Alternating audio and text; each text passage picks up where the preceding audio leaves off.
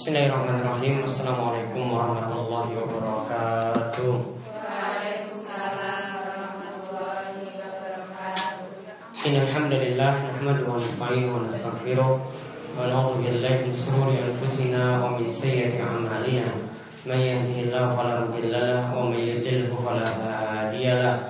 Wa asyhadu an la ilaha illallah wahdahu la syarika lahu وأشهد أن محمدا عبده ورسوله اللهم صل على نبينا وسيدنا محمد وعلى آله ومن تبعهم بإحسان إلى يوم الدين اللهم انفعنا بما علمتنا وعلمنا ما ينفعنا وزدنا علما اللهم أصلح لنا ديننا الذي هو عصمة أمرنا وأصلح دنيانا التي فيها معاشنا وأصلح آخرتنا التي فيها معادنا واجعل الحياة زيادة لنا في كل خير واجعل الموت راحة لنا من كل شر Baik, Alhamdulillah para jemaah sekalian, ibu-ibu yang semoga selalu dirahmati dan diberkahi oleh Allah Subhanahu Wa Taala.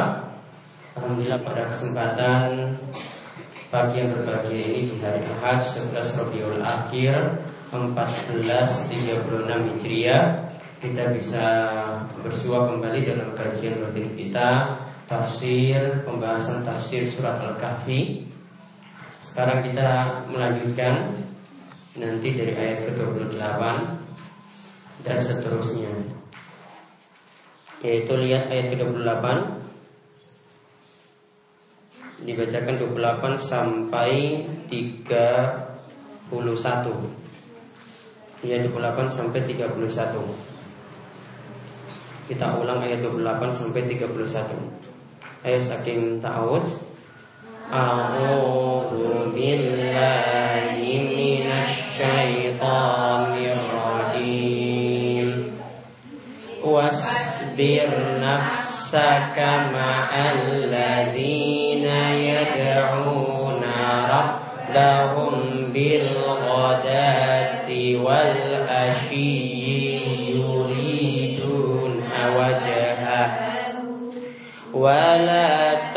تعد عيناك عنهم تريد زينة الحياة الدنيا ولا تطع من أغفلنا قلبه عن ذكرنا واتبع هواه وكان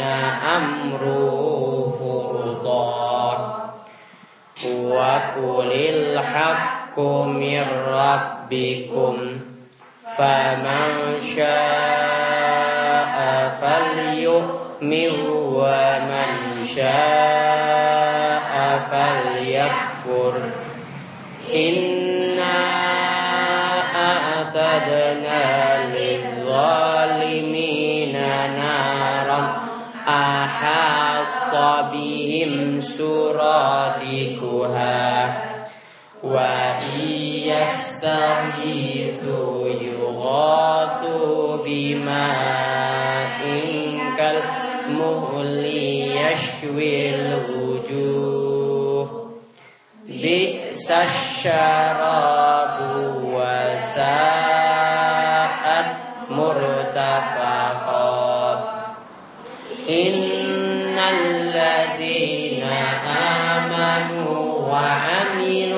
الصالحات إنا لا نضيع أجر من أحسن عملا أولئك لهم جنات عدن تجري من تحتها الأنهار يحلون فيها من أساور من ذهب ويلبسون ثيابا خضرا من سندس واستبرق متكئين فيها على الأرائك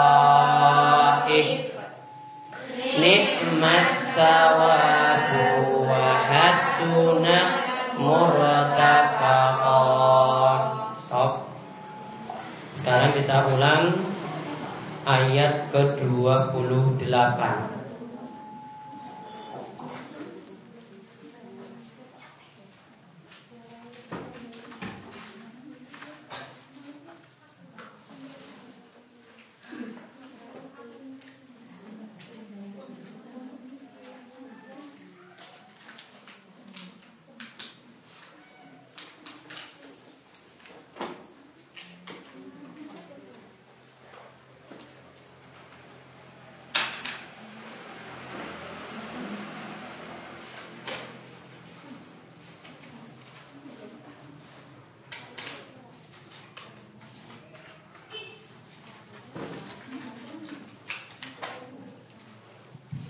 Baik. Kita mulai ayat ke-28. Coba dibacakan artinya. Dan bersabarlah engkau Muhammad bersama orang yang menyeru tuannya pada pagi dan senja hari dengan mengharap keridoannya dan janganlah kedua matamu berpaling dari mereka karena mengharapkan perhiasan kehidupan dunia. Dan janganlah engkau mengikuti orang yang hatinya telah kami lalaikan dari mengingat kami serta menuruti keinginannya dan keadaannya sudah melewati batas. Baik. Terakhir faedah yang ke Nah, coba baca faedah nomor 73.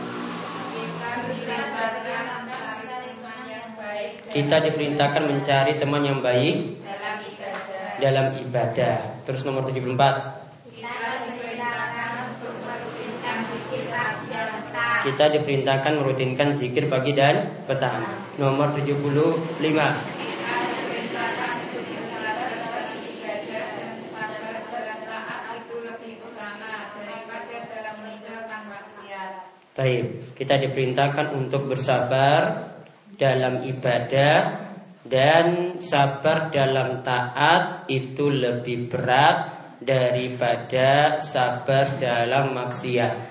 Karena orang ketika melakukan ibadah, melakukan ketaatan, maka ada yang dia perbuat. Namun kalau dalam maksiat dia cuma meninggalkan saja. Ibu-ibu ini kalau sakit, ayo ayo. Ayo si eh, Mbak Eti, Ani, eh, Hani. Bahini ayo Bahini. Masuk terus. Iya. Ah.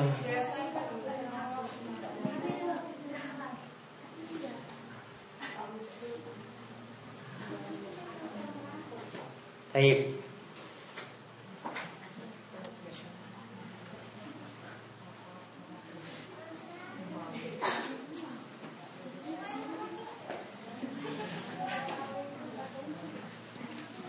Sekarang dicatat lagi faedah yang berikutnya.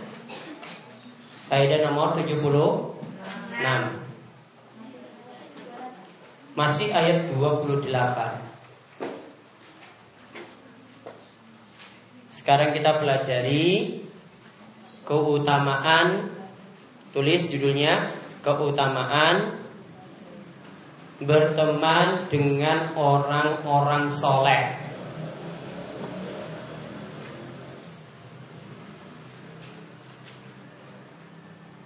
Keutamaan berteman dengan orang-orang so soleh.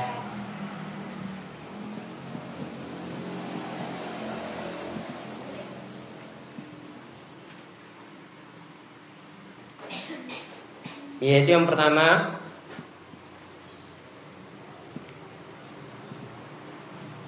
akan dikumpulkan bersama orang soleh yang dicintai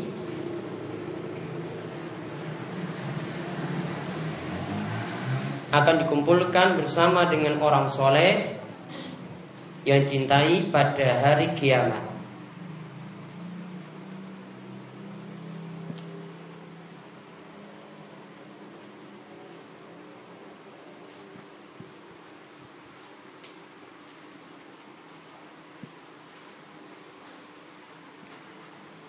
Jadi lihat di sini ini faedah yang utama. Nanti kepengaruhnya atau keutamaannya kita akan peroleh pada hari kiamat. Orang yang baik yang jadi teman dan dia mencintai orang-orang yang baik atau dia mencintai orang-orang yang soleh, maka nanti akan dikumpulkan bersamanya pada hari kiamat. Lihat hadisnya di sini yaitu hadis dari Sahihain diriwayatkan oleh Imam Bukhari dan Muslim yaitu dari baginda Nabi SAW hadis ini dari sahabat Abdullah bin Mas'ud. Ja'a rajulun ila Rasulullah SAW Ada seseorang yang pernah mendatangi Rasul SAW Kemudian dia bertanya Kaifa tara fi rajulin ahabba qauman walam walam walamma yalhaqu bihim? Wahai Rasulullah Bagaimanakah pendapatmu Jika ada orang yang dia itu mencintai suatu kaum namun dia tidak pernah bertemu dengan mereka. Dia mencintai suatu kaum namun dia tidak pernah bertemu dengan mereka. Mencintai ya atau mungkin mengenalnya namun dia tidak pernah ketemu. Kemudian Rasulullah SAW itu mengatakan almaru ma'a man ahab. Setiap orang itu akan dikumpulkan bersama dengan orang-orang yang dia cintai. Setiap orang itu akan dikumpulkan bersama dengan orang-orang yang dia cintai. Maka kalau dia mencintai Nabi SAW belum pernah ketemu Nabi maka dia akan dikumpulkan bersama Nabi Muhammad. Dia mencintai Abu Bakar, mencintai Umar, mencintai Utsman, mencintai Ali, mencintai para sahabat semuanya dan juga istri-istri Nabi SAW maka dia juga akan dikumpulkan bersama dengan mereka. Kemudian dia mencintai para ulama, orang-orang soleh, maka dia juga akan dikumpulkan bersama mereka. Ya almarhu ma'ana ma'a man ahab. Setiap orang akan dikumpulkan bersama dengan orang yang dia cintai. Berarti sebaliknya, kalau dia cinta itu para artis, kalau dia cinta itu orang-orang kafir, kalau dia cinta ini orang yang suka bermaksiat, maka dia juga akan dikumpulkan bersama mereka kelak. Jadi pilihan kita cuma satu supaya nasib kita itu nanti baik di hari kiamat kelak. Kita hendaklah mencintai orang-orang yang soleh dan berteman dengan orang-orang seperti itu. Kemudian faedah yang lainnya, keutamaan yang lainnya yang kedua,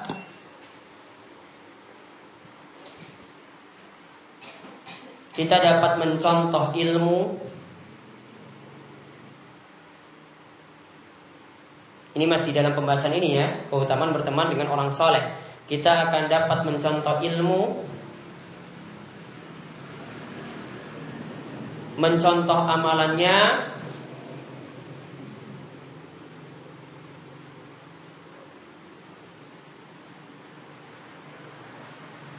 mencontoh amalannya dan mencontoh kesolehannya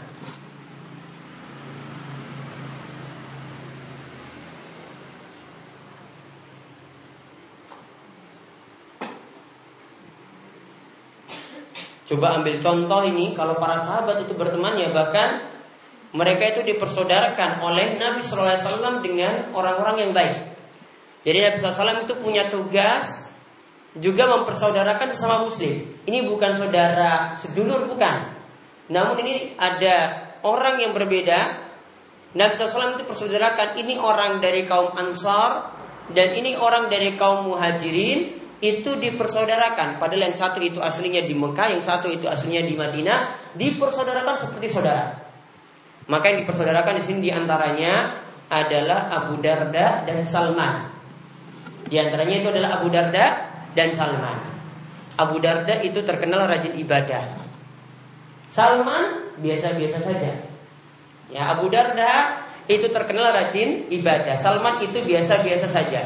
Maka suatu saat Salman ini mengunjungi rumah Abu Darda karena itu kan saudaranya dipersaudarakan oleh Nabi Shallallahu Wasallam. Maka ketika itu dia lihat, wah Abu Darda itu benar-benar sibuk. Sampai-sampai Salman itu tanyakan pada istrinya, istri dari Abu Darda. Bagaimana keadaan Salman? Dan dia melihat istrinya ini pakaiannya nggak beres.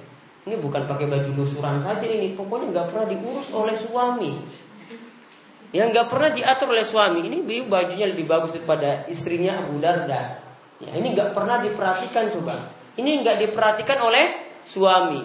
Ya bajunya kusut, ya mungkin juga nggak bersih, mungkin juga baunya nggak enak. Ini istrinya sahabat. Karena apa? Suaminya Abu Darda itu sibuk ibadah.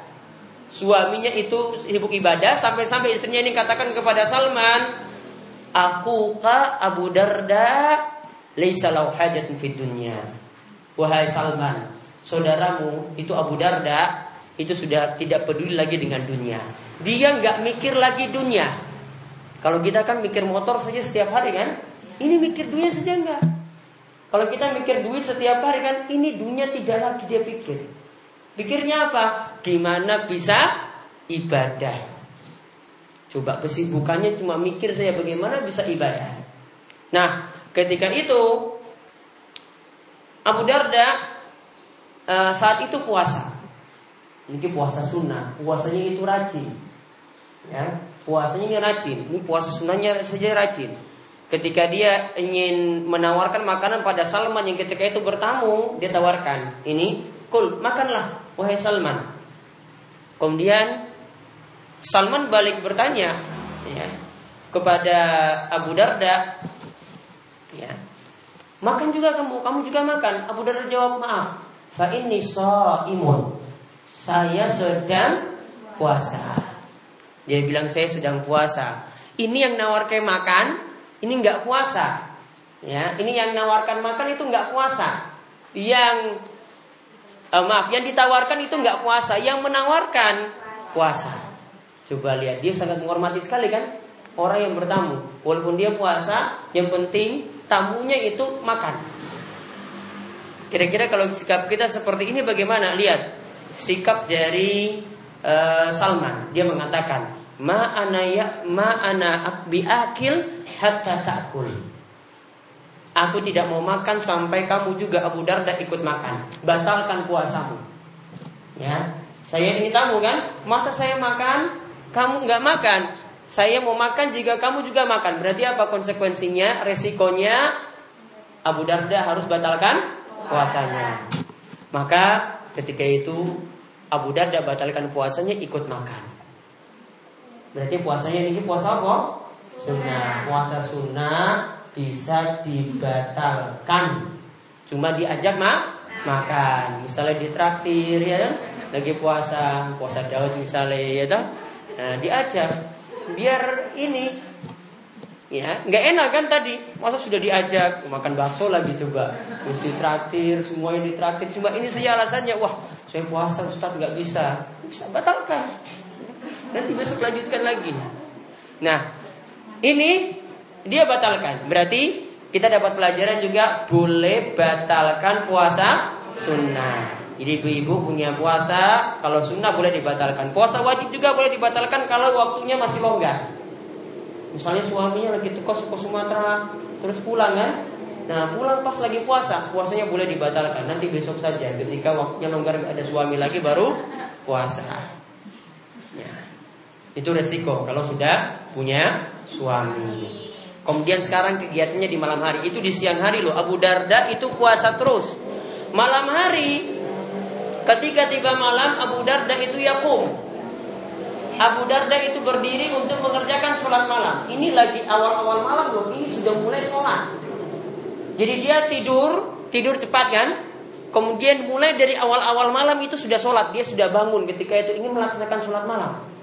Waktu tidur sedikit. Jadi Kebiasaannya berarti kebiasaannya itu biasa tidak tidur. Kebiasaannya berarti apa? Biasa tidak tidur. Kalau kita kan kebiasaannya kan biasanya tidur kan? Ini kebiasaannya aneh. Kebiasaannya itu biasa tidak tidur. Ya, malam hari. Jadi cuma tidur sebentar, habis itu bangun. Dia biasanya lakukan sholat semalam suntuk. Maka ketika dia bangun, Salman lihat Abu Darda, enam. Sudah kamu tidur saja. Gak usah sholat malam. Maksud Abu Darda, maksud Salman ini apa? Ngomong sama Abu Darda seperti itu. Kamu ini sholat malam terus kasihan istrimu. Masa istrimu gak pernah kamu layani, kamu sholat malam terus keterlaluan kamu itu. Ya, kamu cuma sibuk ibadah, istrimu kayak gitu sendiri terus coba teriak-teriak diranjang kan istrinya. Ya, istrinya seperti itu terus dia sibuk apa? Sholat malam. Ini malah berdosa loh. Ya, istrinya kasihan kan? Malah berdosa. Sibuk ibadah coba. Sibuk sholat malam. Kita nganggap itu wah luar biasa ibadahnya, namun keliru. Makanya Salman bilang, Hai Abu Darda tidur. Kemudian ketika itu dia tidur, Kemudian dia bangun lagi, masih ngotot lagi, tengah malam bangun lagi. Abu Salman lihat, wahai Abu Darda tidur. Ya, kemudian pas sampai akhir malam, ya, kemudian Salman bilang kepada Abu Darda, "Kum al-an." Sekarang bangun, kita sholat malam. Ya, pas malam sudah mau terakhir kan? Ya jam setengah apa, jam telu. Nah itu baru bangun malam. Sudah bangunlah, kita kerjakan sholat malam sekarang. Ya, kemudian keduanya itu sholat, Kemudian Salman ketika itu melihat sangat rajinnya Abu Darda. Dia nasihati Abu Darda. Dia katakan kepada Abu Darda, Inna li rabbika alaika haqqan. Wa li nafsika alaika haqqan. Wa li ahlika alaika haqqan. Wahai Abu Darda, ingat Allah memang engkau harus beribadah kepada Allah. Engkau punya kewajiban terhadap Allah. Wahai Abu Darda, namun engkau juga punya kewajiban untuk jaga dirimu supaya dirimu itu bisa istirahat. Jangan puasa terus, jangan sholat malam terus. Punya waktu juga untuk istirahat. Wahai Salman, istrimu juga itu punya kewajiban yang engkau penuhi. Harus ada kewajiban yang engkau penuhi.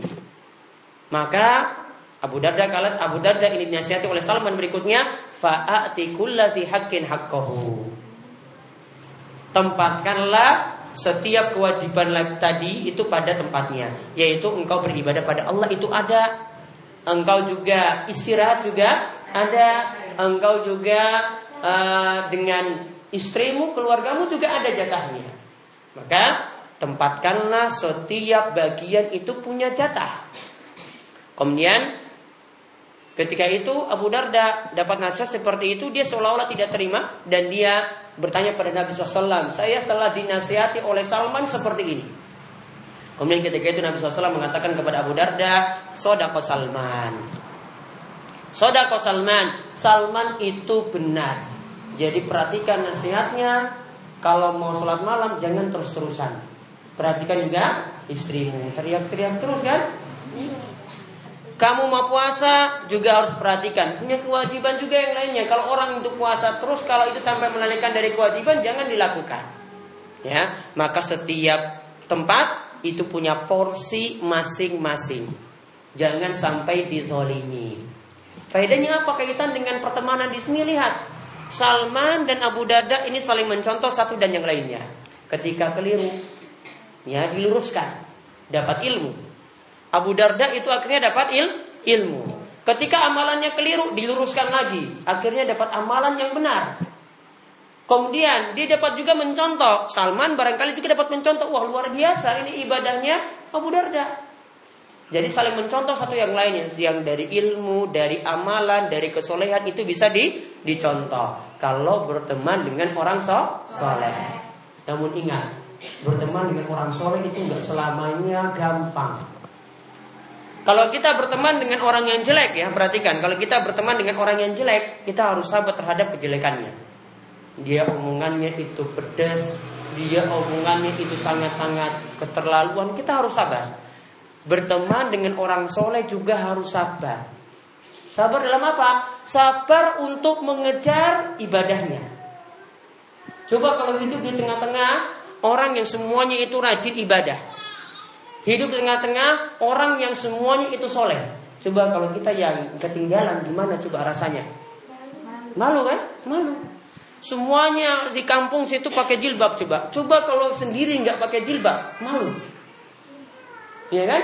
Malu. Maka dia harus bersabar supaya bisa mengejar orang-orang soleh tadi. Maka nanti akan saya sebutkan nanti dalam faedah yang baru ya. Kita diperintahkan bersabar dengan orang soleh ya itu maksudnya adalah kejar dia dalam ibadah dan itu juga berat dikira hidup di lingkungan yang baik-baik itu gampang-gampang saja enak enggak coba kalau kita telat salat telat sholat sendiri coba telat sholat sendiri pasti akan malu wah saya kalah dengan dia. Coba kalau kita yang malas sholat sendiri, wah akan malu. Coba kalau saya nggak setor, setor Al-Quran sendiri coba, uh, malunya bukan main. Kalau nggak punya malu lagi berarti sudah nggak manusia lagi. Iya, coba teman-temannya semua setor kan, wah masa aku dewi sing ora setor setahun, nah malu sendiri. Ya. Makanya buat lingkungan seperti itu juga berat. Coba kalau ini ada yang nggak setor kan temannya, gue orang setor saya nah malu sendiri. Nah, itu faedah yang keberapa? Yang kedua bisa contoh ilmu, contoh amalan dan juga contoh kesolehan. Kemudian yang ketiga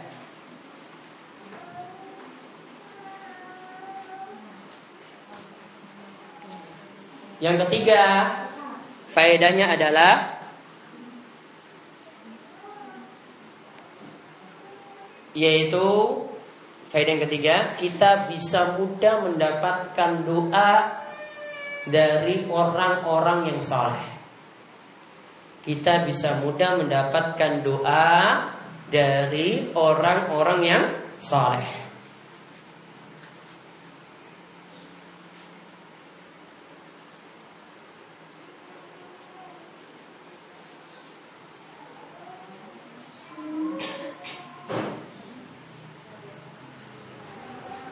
Dan ingat, ini kebiasaan yang sangat baik. Ini kebiasaan ini jarang kita temukan di Indonesia. Kalau kebiasaan di Arab, ini saya ceritakan dulu ini kebiasaan di Arab. Kalau orang ketemu, itu doanya banyak. Ketika ketemu salaman, ya Assalamualaikum, Waalaikumsalam warahmatullah. Terus pakai tanya keadaan dulu. Ya, kaifahalukum, bagaimana kabarmu? Iya kabarmu? Alhamdulillah, saya dalam keadaan baik. Toib, tamam, saya dalam keadaan baik. Kemudian ditanyakan lagi, kaifa ahlukum? Bagaimana keluargamu? Artinya ditanya bagaimana istrimu? Coba. Ini laki-laki tanya istri orang. Kalau kita di sini kan nggak boleh kan? Nggak boleh saru tenan ini masa tanya istri saya, kamu berantem sama saya? Ya. Kalau di sana itu biasa, ya. Gimana keadaan istrimu? Gimana keadaan anakmu? Gimana keadaan uh, orang yang ada di rumahmu bagaimana? Jawab semuanya Alhamdulillah baik. Habis itu setelah itu ditambah doa. Allah ya fatkum, moga Allah selalu menjagamu, moga keluargamu terus berkah, mudah-mudahan Allah terus mendapat memberikan keberkahan padamu. Doanya banyak, baru ketemu sekali ini loh. Sore ketemu lagi, ngomong kayak gitu lagi. Padahal tadi siang sudah ditanya kan, gimana kabar, macam-macam sudah, ya. Ini dikira basa-basi, namun setelah itu tambah doa lagi. Sore ketemu kayak gitu lagi doanya banyak. Ya, doanya bang banyak. Kalau kita seperti itu, telepon saja kan enggak kan enggak tanya kayak gitu kan? Gimana kabarmu? Doakan pernah? Pernah doakan orang? Enggak pernah. Coba telepon ya, telepon ya. Terus tanya, Ustadz gimana kabarnya ini? Masya Allah, gimana anak-anak sehat semuanya? Ya, mudah-mudahan Allah selalu menjaga, beri rezeki yang banyak, beri ini, beri ini, beri itu. Wah, luar biasa doanya itu. Ya, seperti itu biasakan. Jangan coba tanya saja kayak gitu. Apalagi kalau yang di telepon punya utang, gimana utangnya nih mas? Orang jadi takut. Namun kalau didoakan dulu, coba didoakan dulu. Mungkin-mungkin rezekimu tambah banyak, urusanmu itu mudah, kesulitanmu itu diangkat. Didoakan seperti itu, wah terus ditagi coba. Aduh, mas, saya butuh uang mau tagih utang. Pasti senang, karena sudah didoakan. Didoakan di awal dulu ya didoakan di awal. Makanya setiap kali kajian saya biasanya bawakan doa dulu biar semuanya itu dapat doa. Ya, dan kita itu bukan doa untuk saya, itu doa untuk kita semuanya. Biar di hari awal dan akhir itu semuanya dapat kebaikan. Ya, namun nggak tahu kan tadi ngomong apa kan? Nggak tahu. Itu doa semuanya. Ya, karena saya contohi guru-guru saya itu setiap awal kajian itu doanya itu banyak sekali. Ya, doanya itu yang banyak. Ya, isi kajian mungkin cuma sedikit. Doanya terus dikasih tambah-tambah doa terus. Tapi contohnya di sini uh, pernah suatu hari Nabi SAW itu melaksanakan tahajud di rumah. Nabi SAW itu tahajud di rumah. Jadi yang diperintahkan untuk sholat sunnah itu lebih bagus dilakukan di rumah. Sholat sunnah itu lebih bagus dilakukan di rumah.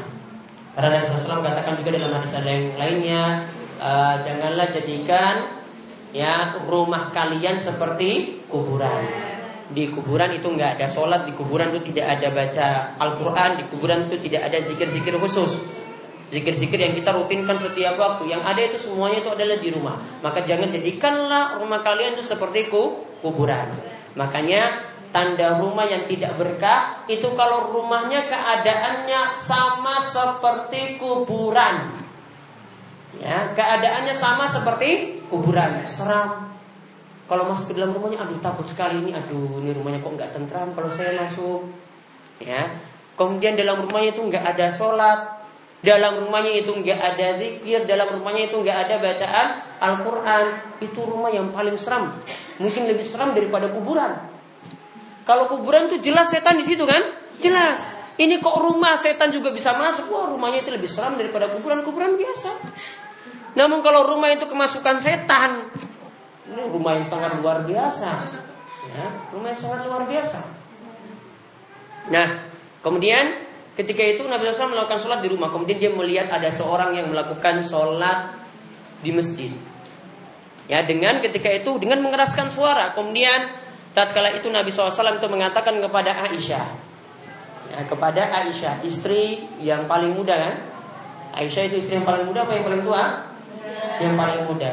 Berapa tahun Nabi SAW menikahi Aisyah? Sembilan ta tahun. Ini sudah gede-gede belum nikah-nikah kan? Nah ini sudah sembilan tahun. Itu orang Arab dulu. Ya Aisyah, aswatu ibadah ada.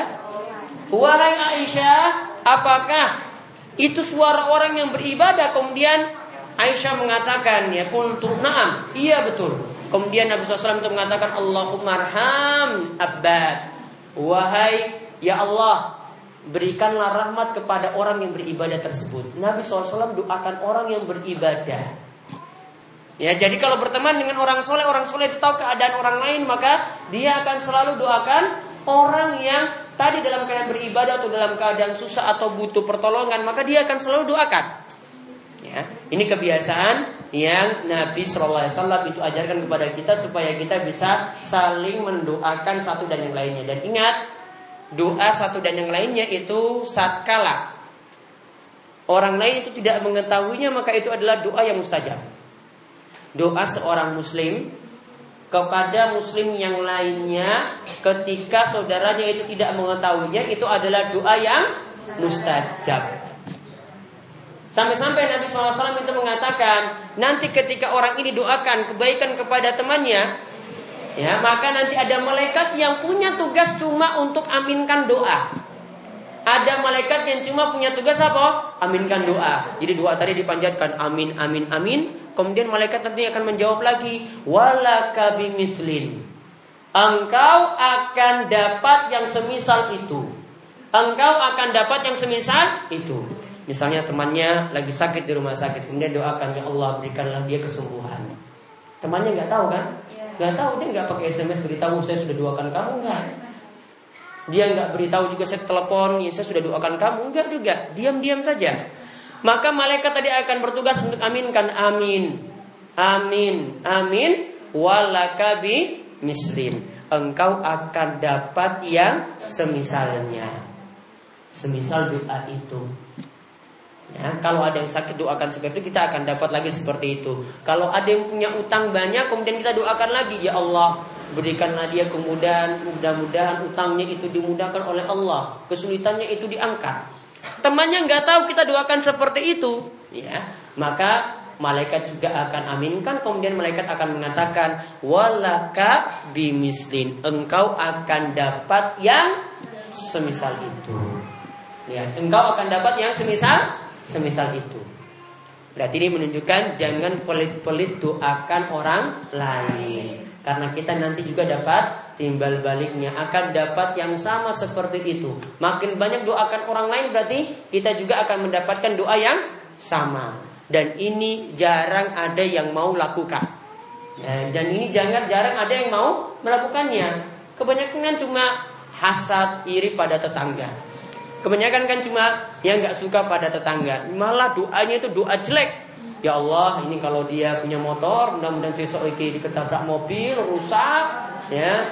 Setelah itu nggak punya motor lagi. Doanya jelek sekali. Ya, hasad yang kita sudah bahas kan atau dia bilang seperti itu. Atau dia bilang yang lainnya kalau ini tetangga punya istrinya cantik, ya Allah, ini kalau suaminya ini mati saja saya dapat jandanya ya istrinya. Coba lihat. Ya kan? Doanya seperti itu jelek sekali. Cita-citanya jelek, harapannya jelek. Maka jadikan harapan yang bagus, jadikan doa yang bagus untuk tetangga kita, untuk teman-teman kita seperti itu. Jadi itu tadi keutamaan yang berapa? Keutamaan yang ketiga. Kemudian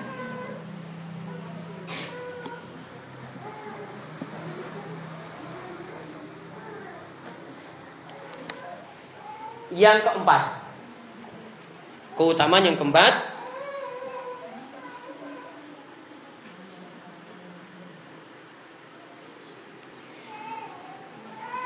Teman yang soleh. Teman yang soleh.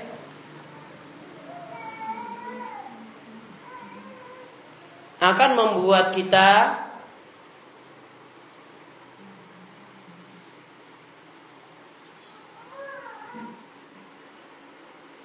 akan membuat kita terhalang dari berkata atau berbuat maksiat.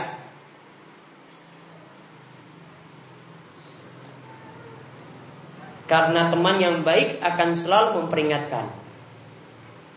Karena teman yang baik itu akan selalu memperingatkan.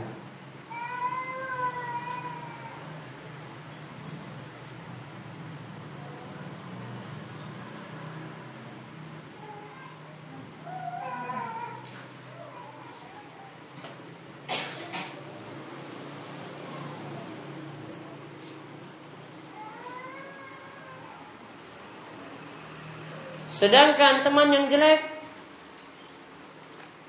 Sedangkan teman yang jelek akan membiarkan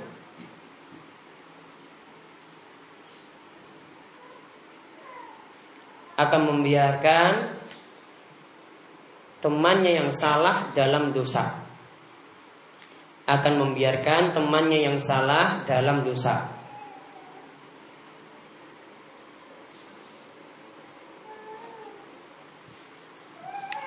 Jadi ada yang ingatkan tadi seperti kisah Abu Darda dan Salman. Abu Darda keliru kan? Sholat malam terus gak tidur. Abu Darda juga puasa terus ya tanpa mau istirahat. Maka diingatkan oleh Salman. Ada yang memperingatkannya.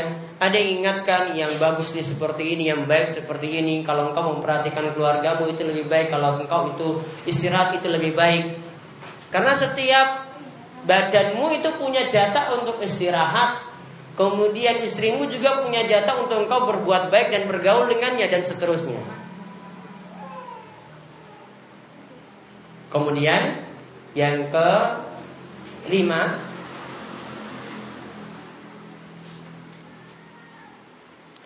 berteman dengan orang soleh akan membuat kita bersemangat dan berlomba dalam kebaikan.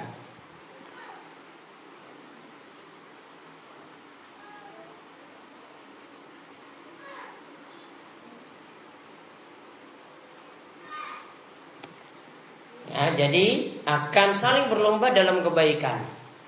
Dan yang kemarin kita sudah bahas atau kita singgung tentang masalah hasad. Ada satu hasad yang dibolehkan. Yaitu hasad yang disebut apa kemarin? Giptoh. Yang disebut apa? Giptoh. Giptoh itu artinya kita pingin semisal dengan orang lain. Namun apa? Tidak ingin nikmat orang lain itu hilang. Jadi dia ingin berlomba-lomba. Kalau temannya itu orang-orang yang soleh misalnya tahu oh hafalannya itu banyak, oh dia sudah hafal juz 30. Akhirnya punya semangat untuk menghafalkan lagi. Namun kalau temannya dia pilih teman-temannya, aduh, teman-temanku lagi ngafal Al-Ikhlas, Al-Falaq, Anas, ya aku wis oke. Nah, kalau temannya itu yang biasa-biasa saja maka dia akan biasa-biasa saja. Maka dia nanti akan terpengaruh kalau temannya itu yang semangat maka akan terpengaruh semangat. Kalau temannya itu berjilbab yang sempurna maka dia akan semangat juga untuk itu. Ya, kalau pakaiannya itu ketat-ketat, kalau pakaiannya itu ya mungkin jalan pakai baju, kamu bisa lihat you can see. Ya? Kalau seperti itu dia bergaul dengan itu maka lama-lama juga akan terpengaruh. Ya, Mungkin dia pakai jilbab, namun pakai tali satu di dalamnya coba. Bisa kan? Bisa. Ya, setelah itu, ya pergaulannya tambah parah, tambah parah lagi dengan pakaian yang tidak benar. Ya, makanya kalau dia berteman dengan yang baik, maka pasti akan pingin semisal dengan itu. Ya, dalam hal ibadahnya, dalam hal sholatnya, dalam hal puasanya, dalam hal belajar agamanya, dalam duduk dalam majelis ilmu, dalam menggali ilmu-ilmu, ya, dia akan lebih semangat. Namun kalau berteman dengan yang biasa-biasa saja maka jadi tidak semangat untuk beragama.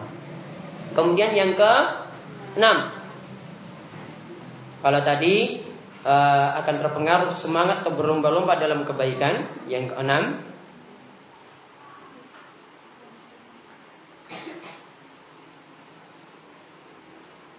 berteman dengan orang soleh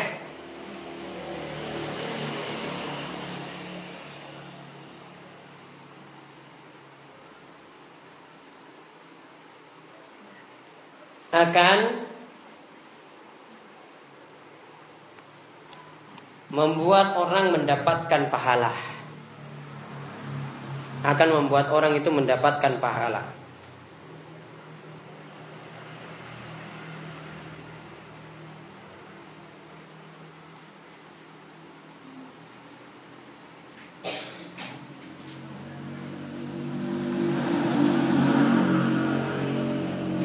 Bahkan di sini ada satu hadis ya, saya lupa secara sanad, saya lupa lafaznya.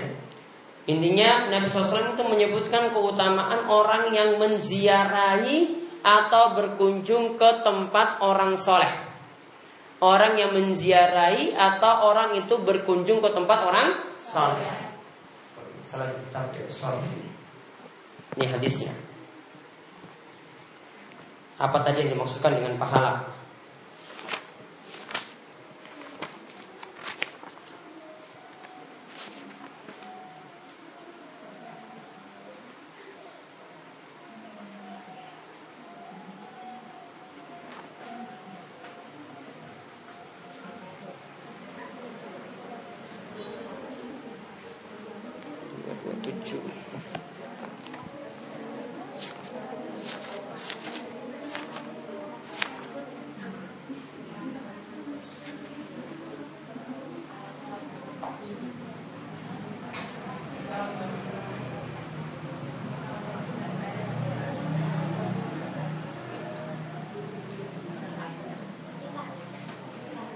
Dan ditambahkan tadi akan mendapatkan apa?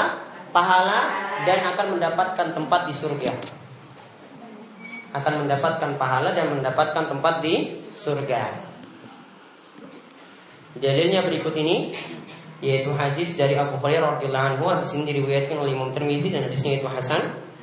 Rasulullah SAW itu bersabda, "Man ada maridon auzara akhan lahu fillah nadahu munadin bi antibta wa taba mamsyaka wa tabawwa'ta minal jannati manzila.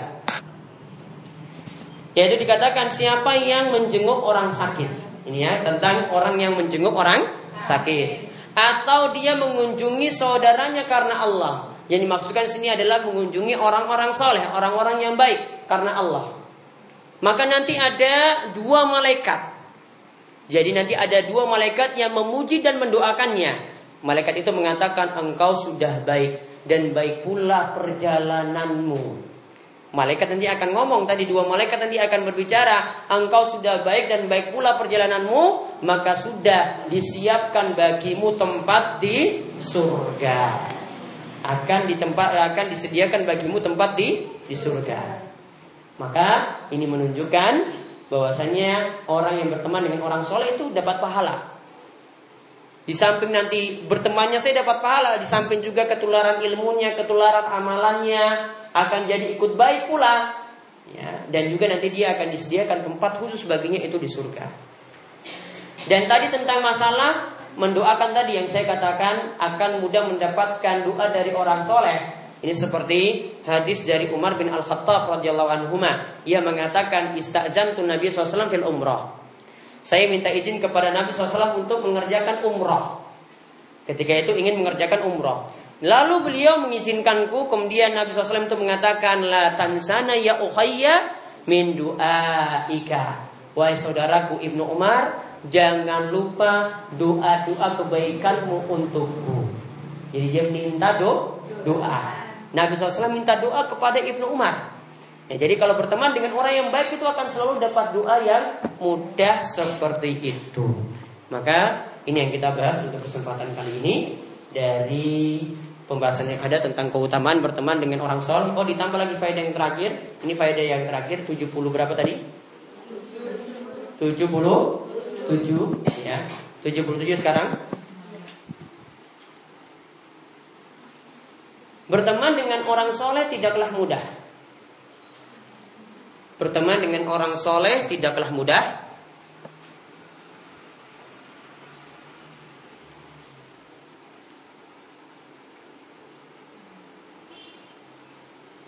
Karena kita juga mesti bersabar.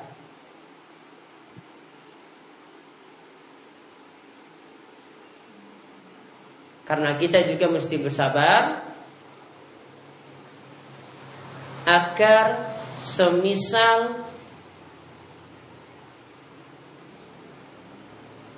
atau mengejar ketinggalan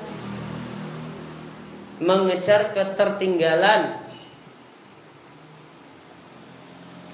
dari orang soleh tersebut.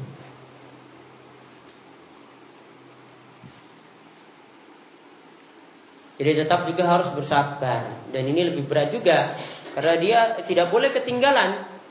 Namun kalau dia berteman dengan orang yang jelek, ya dia harus bersabar dengan kejelekan yang mereka lakukan. Namun kalau dengan orang baik, maka dia harus berusaha supaya sabar mengejar ketinggalan, bisa semisal dengan dia ya dan juga jangan sampai dia itu kalah atau malah jauh ketertinggalan dari orang-orang soleh tadi. Nah ini kemauan yang kita bahas untuk kesempatan kali ini. Nanti insya Allah untuk kesempatan berikutnya boleh kita lanjutkan ayat ke 29 dan seterusnya. Sebelum ditutup, dan pertanyaan. Oke, belum Setelah mendengarkan manfaat dari uh, berteman dengan orang-orang soleh walaupun pada prakteknya itu sangat sangat tidak mudah untuk bisa berteman dengan orang soleh. uh, hati saya pribadi ingin sekali untuk berteman dengan orang soleh. Ingin memasukkan orang soleh itu seperti apa, terus saya akan carinya ke mana gitu. Yang ingin gitu loh, kepengen berteman dengan orang soleh. Soleh itu seperti apa? Taib. Standar soleh yang dikatakan oleh para ulama, nah ini yang kalau mau catat monggo dicatat. Standar soleh. Bukunya jangan disimpan dulu, nanti masih banyak catatan.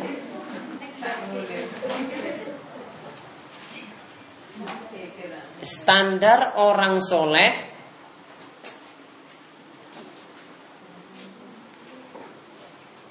adalah orang yang memenuhi kewajiban orang yang memenuhi kewajiban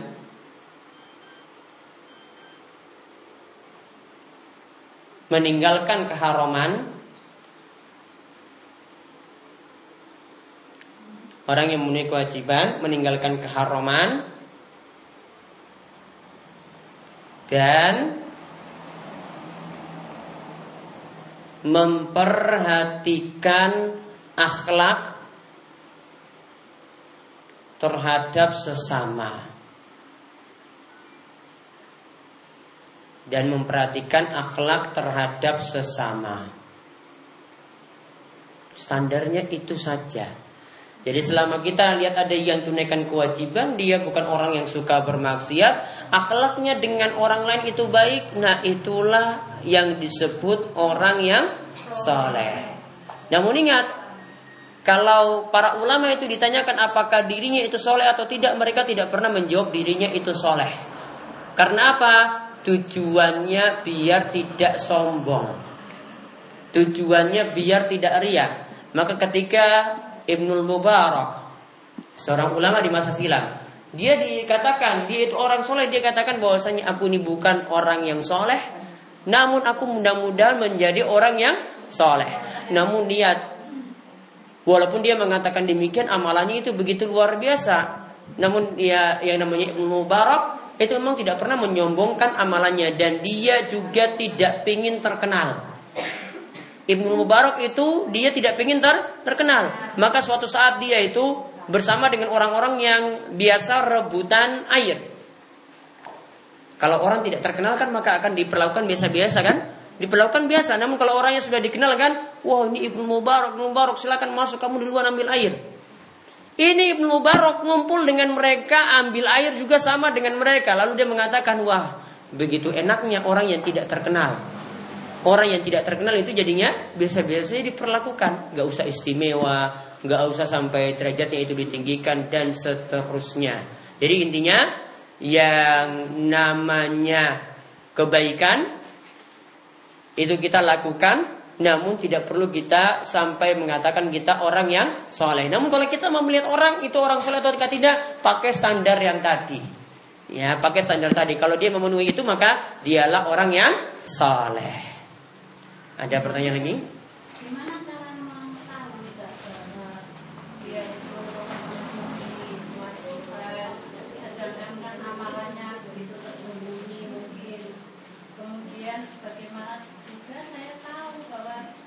Akhlaknya baik.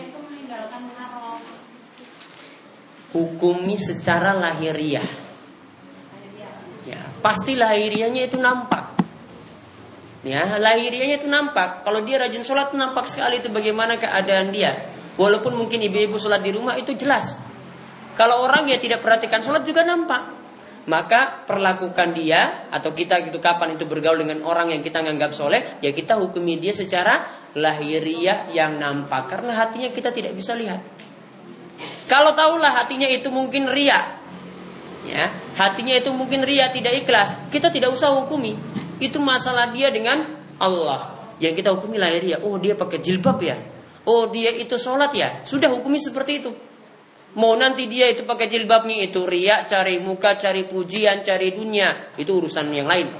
Yang penting dia seperti itu. Kita hukumi lahi ria.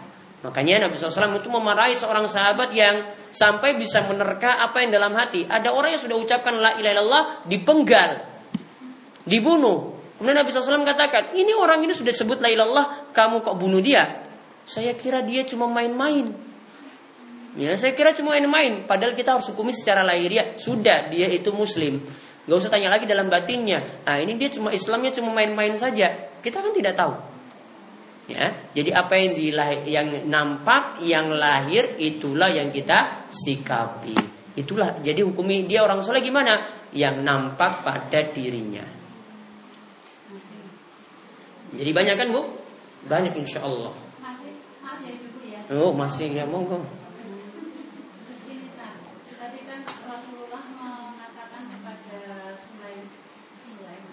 Salman.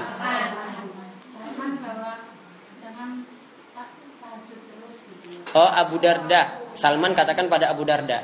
Iya, tapi diiyakan oleh Rasulullah. Rasulullah terakhir ya. Nah?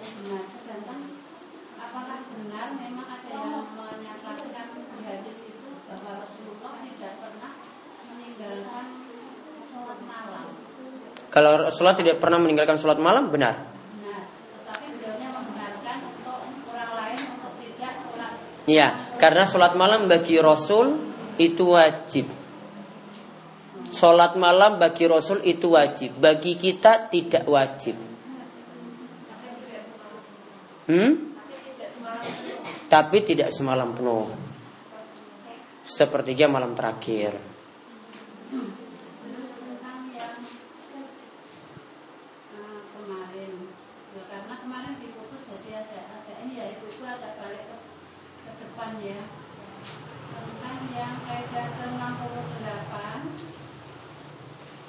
bahwa setiap orang yang kemudian termasuk kemarin menerangkan bahwa jin itu masuk ketika seseorang lalai. Lalu ketika ada di acara televisi apa itu? Oh, yang duduk-duduk itu loh. Apa itu? Uji nyali ya. Uji nyali, ya. Uji nyali. Tapi kan ketika diuji nyali itu astagfirullah ya Allah baca semua dibaca lalu wakat Allah semua itu tapi kan tetap dia dosor-dosor kena kena jin tuh gimana kaitannya apa dia itu mak bacanya nggak berarti Ya itu orang kurang kerjaan. Iya, cari masalah dengan jin itu. Jin itu kalau sifat jin itu kalau diganggu ya akan ganggu juga. Mau kamu baca surat kayak kalau itu nggak baca tenan, ya sudah diganggu. Tetap saja. Itu kurang kerjaan uji nyali itu. Itu cari masalah malahan. Jin itu aslinya sudah biarkan mereka dunianya sendiri, nggak perlu diganggu. Ya sudah mereka nggak ganggu. Kalau dia kita ganggu dia, sudah. Belum pernah. Seumur hidup saya itu nggak pernah lihat ini, lihat hantu itu nggak pernah. Uji nyali, aduh nggak pengen lihat ngapain. Sejak dulu ya, ketika saya tidak nonton TV lagi bu, itu nyali saya jadi besar. Nggak jadi takut lagi kalau lewat gelap-gelap. Ya, nggak nonton TV lagi loh, nggak nonton-nonton acara kayak gitu. Nah ketika nonton TV dulu itu takut setan terus. Mau saya mau pergi sholat subuh saya saya takut. Jadi dulu rumah saya itu gelap. Rumah saya itu di gunung. Turun ke bawah sholatnya itu jauh. Sekitar satu kilo lah saya jalan. Ya, itu lari dari atas tuh satu nafas, nggak berhenti berhenti sampai ke bawah. Karena gelap, takut itu orang-orang bilang situ banyak hantunya sebelah sini. Wah, saya nggak pandang kanan kiri, jalan saja terus lurus lari. Sholat subuh. Maka saran saya nggak usah nonton-nonton film kayak gitu, nyalinya jadi lemah. yang terakhir Pak, pahala satu huruf membaca Al-Quran itu kalau yang pernah dijelaskan adalah dikalikan 10 Ya. dikalikan 10 itu yang dimaksudkan adalah Al-Quran tok atau membaca Al-Quran plus terjemahnya atau kalau terjemah saja Intinya kalau sekedar baca saja minimal pahalanya 10 kali setiap hurufnya. walaupun nggak ngerti Walaupun nggak ngerti. Itu, itu saja baru baca tok. Karena di situ cuma dikatakan baca, nggak paham nggak masalah. Namun kalau dia sampai paham artinya, pahala tersendiri lagi, double lagi. Tambah tafsirnya lagi, kayak kita ke sini kan kaji tafsir kan? Ini bukan hanya terjemahan, gali setiap faedah dari ayat yang ada. Satu ayat saja nggak rampung-rampung. Kemarin kita saja bahas al-falaq saya nggak rampung-rampung kan? Nah itu lebih lagi daripada sekedar baca. Pahalanya lebih besar lagi.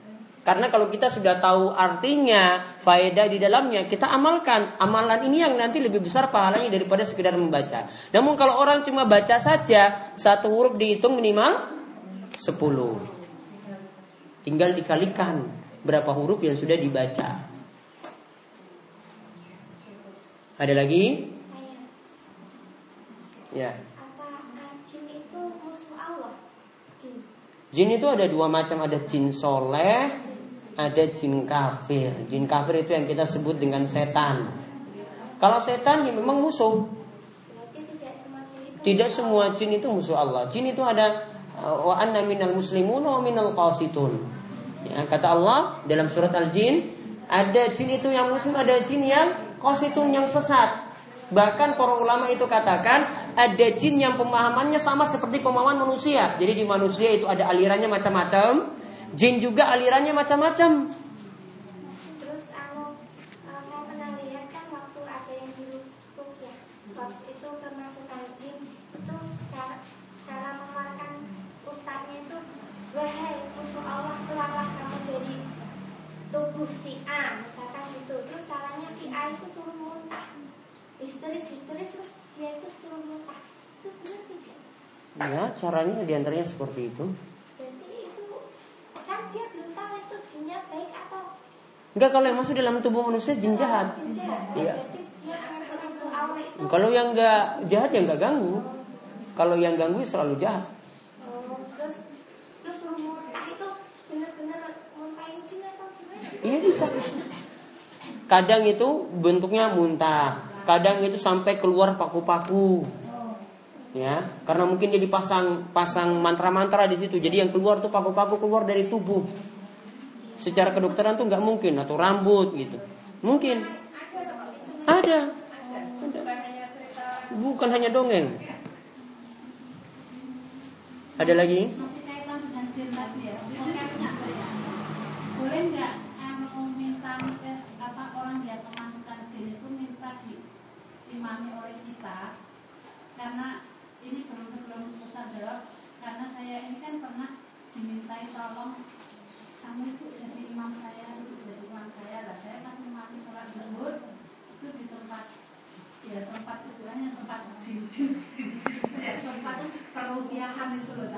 Hmm. Nah, ketika saya imami sholat kan dia berdoanya itu bukan al-fatihah bukan apa hanya ih saya kena sini saya kena sini. Jadi mengganggu konsentrasi.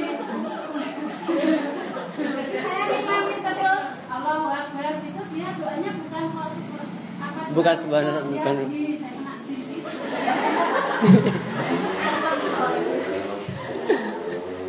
itu mau nggak kita boleh nggak imaminya Ya boleh seperti itu. Namun ketika itu dia dalam keadaan tidak sadar berarti.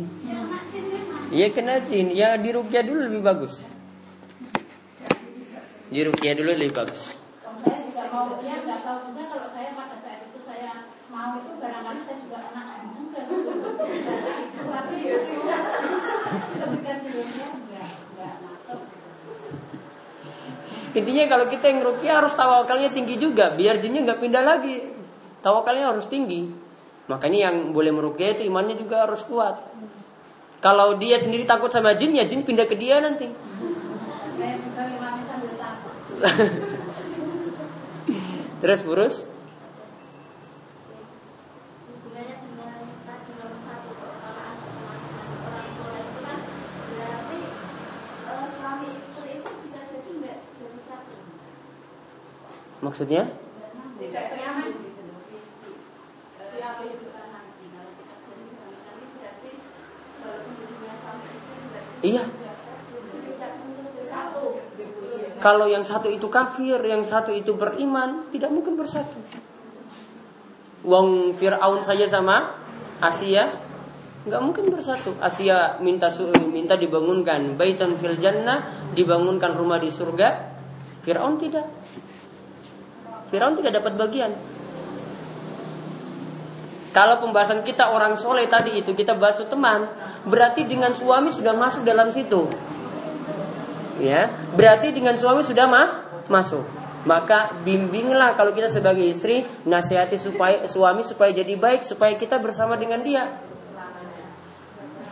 Berarti kalau kita memang harus eh, selektif betul dengan teman-teman baik orang jamaah iya Nah, intinya di sisi lain eh, saya setuju jadi saya kayak selektif seperti itu tapi di sisi lain saya kadang ingat pada bahwa tidak mungkin kan anak eh, akan menolak orang yang mau berteman kita karena tidak ikhlas sensi atau bagaimana boleh berteman dengannya yang penting bisa buat pengaruh.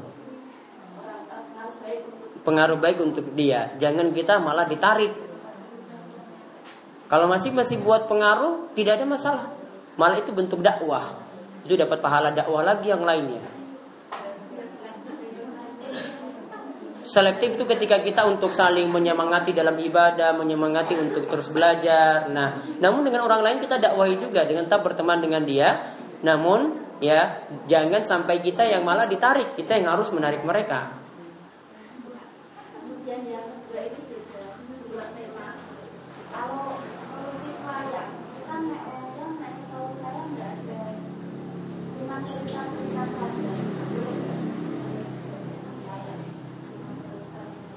melukis membuat gambarnya, wayang.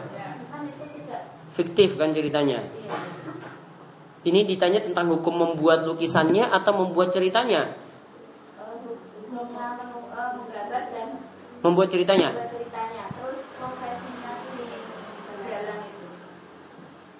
Wah ini masalah rumit ini. berarti boleh bermasalah. oh bermasalah Iya. ada Ya nggak bernyawa. Itu eh, bisa itu kan tidak ada yang seperti. Tapi kan yang digambarkan makhluk bernyawa kan? Bentuk manusia nggak yang digambar? Jadi men- eh, seperti Pandawa itu kan Ya gambarnya itu gambar kayak orang nggak? Nah itu kan, itu maksud saya. Itu yang pertama masalah. Ada mata, ada telinga kayak manusia kan? Ya, makanya ada tangannya digerak-gerakin gini kan? Nah, itu yang masalah pertama. Yang kedua, kalau sisi cerita tidak apa-apa kalau cerita fiktif untuk memotivasi. Namun yang ketiga nantinya eh, menjadi apa? dalang gitu ya. Menjadi dalang kan? Masalah lain lagi karena dalamnya itu kompleks itu ada musik-musikan macam-macam. Masih bermasalah. yang terakhir itu mandi junub itu kalau tidak pakai sampo itu tetap sah atau tidak Tetap sah.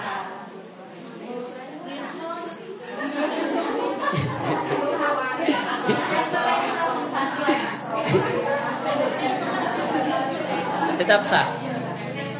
Karena syarat untuk mandi itu cuma mengguyur seluruh badan dengan air dari kepala hingga kaki. Ada lagi? Ya, Marjanti. Mencari pujian orang tidak boleh. Ya, itu sama. Kecuali kalau suami nggak oh, bukan orang gitu. Apa cari pujiannya apa? Amalan.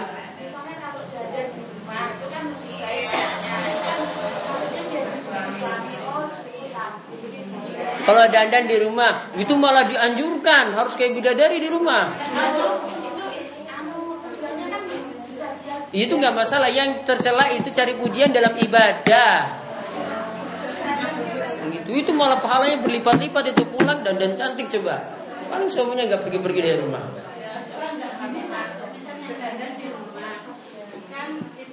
di itu ya terus saya dandan di rumah ya maunya ya dipuji suami itu kan tapi kan niatan kita dandan tidak tidak dibalik tapi niatnya niatan dandan kita di rumah itu kan karena Allah Iya. itu Karena Allah mensyariatkan seperti itu dan juga kan tujuannya untuk menyenangkan suami.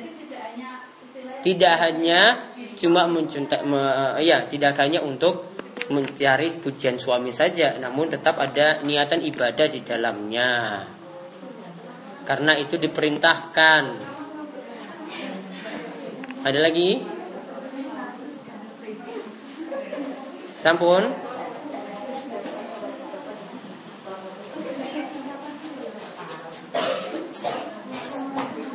Pun nggih? Ya, ini kemauan yang kita bahas untuk siang hari ini. Ya. Dan insya Allah sebentar sore ada kajian seperti biasa. Ya, masalah sholat sudah selesai kan? Doa-doa setelah sholat sudah eh, doa-doa tahiyat belum ya? Ya nanti akan kita bahas. Mudah-mudahan eh, Allah mudahkan untuk pertemuan sore nanti. Kita tutup kalian doa kafaratul majelis monggo. Subhanakallahumma wa bihamdika asyhadu an la ilaha illa anta astaghfiruka wa atubu ilaik. Walhamdulillahirabbil alamin. Assalamualaikum warahmatullahi wabarakatuh.